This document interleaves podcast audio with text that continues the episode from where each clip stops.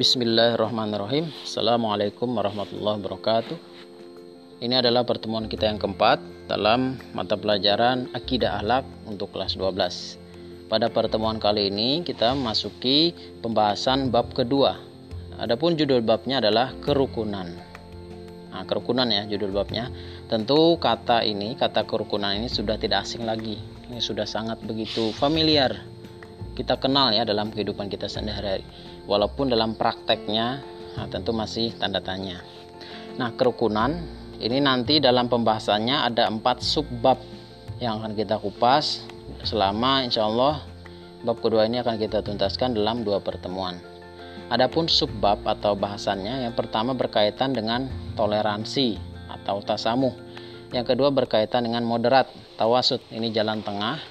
Yang ketiga berkaitan dengan musawah atau persamaan derajat manusia. Yang terakhir adalah persaudaraan atau uwah.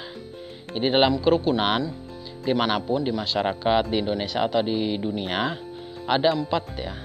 Eh, kita sebut saja sebagai unsur, elemen atau bagian bagaimana menciptakan kerukunan. Yang pertama adalah toleransi, yang kedua adalah moderat, yang ketiga persamaan derajat dan yang keempat adalah persaudaraan.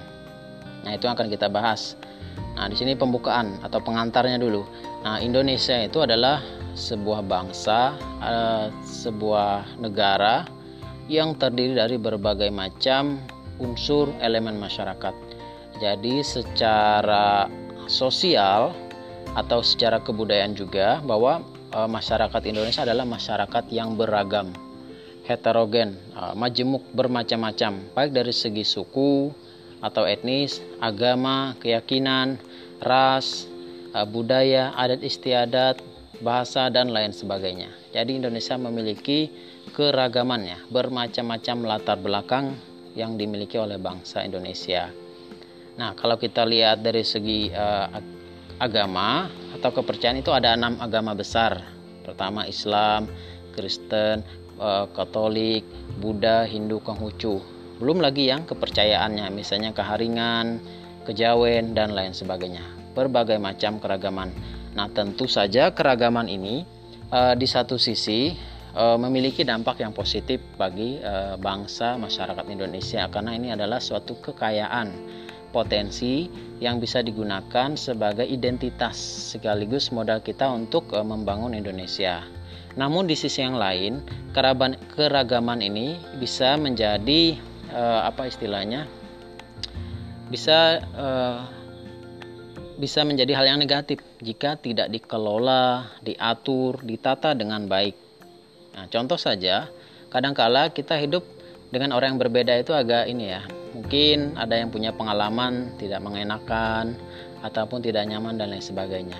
Nah, tentu di sini bagaimana agar terciptanya suatu kerukunan, maka diperlukan yang namanya pengelolaan penataan. Nah, tadi kaitannya dengan subbab bahasan kita yang bersif, yang meliputi toleransi, kemudian moderat, kemudian persamaan derajat dan persaudaraan itu nanti menjadi kunci bagaimana kita menciptakan yang namanya keragaman ya dalam uh, kehidupan masyarakat khususnya masyarakat Indonesia ataupun masyarakat dunia termasuk juga bagaimana kita sebagai umat Islam mampu menjadi pelopor dari yang namanya upaya-upaya uh, untuk menciptakan kerukunan. Nah, itu. Yang pertama kita bahas atau kita kupas tentang toleransi. Nah, dalam ajaran Islam dikenal istilah tasamuh. Nah, toleransi itu tasamuh atau secara sederhana bisa dimaknai adalah sikap saling menghargai di antara perbedaan-perbedaan dalam uh, latar belakang masyarakat. Misalnya uh, perbedaan dalam agama, misalnya Islam menghormati saudara-saudara Nasrani yang sedang beribadah tidak mengganggu. Ataupun kita sesama agama misalnya di antara umat Islam ada perbedaan tentu kita harus saling menghargai. Misalnya dalam sholat ada yang menggunakan kunut misalnya doa kunut dalam sholat subuh. Ada juga yang tidak. Nah, bagaimana kita e, mendorong ya, atau menerapkan toleransi? Itu yang pertama. Toleransi artinya sikap menghargai terbuka terhadap perbedaan-perbedaan baik yang terjadi dalam lingkup agama sendiri, dalam lingkup uh, kepercayaan ataupun yang lingkup lain yang digariskan oleh ajaran Islam. Itu yang namanya toleransi. Nah, dalam sejarah uh, Islam, tentu toleransi ini dicontohkan oleh Rasulullah dalam kehidupan beliau. Misalnya beliau berada di Madinah, nah di situ beliau hidup berdampingan, hidup bermasyarakat dengan uh, masyarakat Yahudi, Nasrani ataupun yang lain. Yang kedua adalah persamaan derajat atau musawwah. Nah, persamaan derajat ini maksudnya seperti ini. E, manusia ini adalah makhluk ciptaan Tuhan, Allah. Apa pun latar belakang, entah itu orang Amerika, Asia, Afrika, Australia, atau Eropa, itu kalau dilihat dari persamaan derajat sama saja, tidak ada bedanya. Orang kulit putih, kulit hitam, bule, non bule, Jawa, Kalimantan dan lain sebagainya secara uh, kemanusiaan itu sama derajatnya, posisinya, tidak ada yang membedakan. Nah, itu. Sehingga dengan adanya persamaan derajat ini, uh, menerapkan persamaan derajat ini dalam kehidupan, kehidupan masyarakat, kehidupan bangsa Indonesia ataupun kehidupan umat manusia seluruh dunia, ini akan menciptakan namanya saling kesetaraan. Nah, sehingga ada kerukunan di situ. Kita bersahabat dengan orang Eropa, orang Amerika, orang Afrika, orang Asia, eh, orang Asia sendiri ataupun uh, Australia karena kita sama-sama manusia, sama derajat kita di hadapan hukum. Nah, itu tentang persamaan derajat. Islam sendiri sangat mengakui yang namanya persamaan manusia. Laki-laki, perempuan derajatnya sama, kecuali nanti dalam takwa, keimanan kepada Allah Subhanahu wa taala. Tentu persamaan derajat ini tidak memandang bahwa dia agamanya A, agamanya B. Semua sama saja karena dilihat dari segi kemanusiaan. Jadi, misalnya dalam kehidupan ada orang yang membutuhkan, nah, walaupun dia berbeda, misalnya agamanya Nasrani, kita tetap dibolehkan menolong karena adalah prinsipnya adalah persamaan derajat manusia. Yang ketiga adalah moderat. Nah, ini atau tawasud atau jalan tengah penyeimbang istilahnya.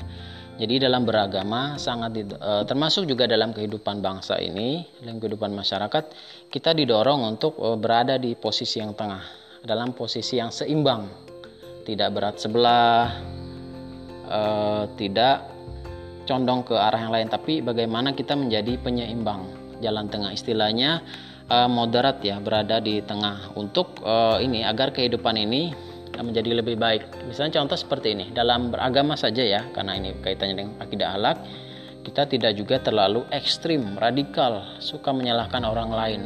Tapi kita beri kesempatan, kita menghormati orang lain karena tentu mereka juga punya keyakinan, kepercayaan ataupun e, praktek yang e, mereka yakini. Nah, ini namanya kita moderat, punya sikap moderat. Yang terakhir atau yang keempat, ini adalah persaudaraan atau ukhuwah Islam sendiri mengenal bahwa ukhuwah itu tidak hanya dalam ajaran Islam, ukhuwah secara Islam ya. Tak ukhuwah secara keimanan tapi juga ukhuwah dalam bentuk yang lain. Misalnya ukhuwah persaudaraan manusia. Ukhuwah uh, insaniyah basyuriyah. Uh, persaudaraan dalam tanah air. Ukhuwah. Uh, kita hidup di Indonesia bermacam-macam masyarakat tapi kita satu. Kita satu bangsa Indonesia ataupun ukhuwah secara kemanusiaan kita umat manusia di seluruh dunia ini adalah satu. Kita adalah manusia yang e, ciptaan Tuhan yang sama walaupun berbeda-beda tadi. Nah, dengan empat cara ini, empat unsur pokok ini yaitu toleransi, saling menghargai, kemudian e, moderat atau jalan tengah bagaimana kita secara seimbang dalam beragama, dalam kehidupan masyarakat tidak berlebih-lebihan, kemudian juga bagaimana kita mengakui persamaan derajat manusia dan juga e, mendorong pada persaudaraan. Nah, contoh kecil ada misalnya dalam lingkup keluarga. Kita harus bisa menguatkan ya tarik kekeluargaan, juga dalam kehidupan persahabatan. Nah, dengan teman kita bersaudara, saling menghormati, kemudian saling menghargai, mengakui hak mereka sama juga dalam apalagi dalam lingkup yang lebih besar, masyarakat, negara, dalam pun secara umat manusia di seluruh dunia. Ini pengantar ya di bab kedua. Demikian, assalamualaikum warahmatullahi wabarakatuh.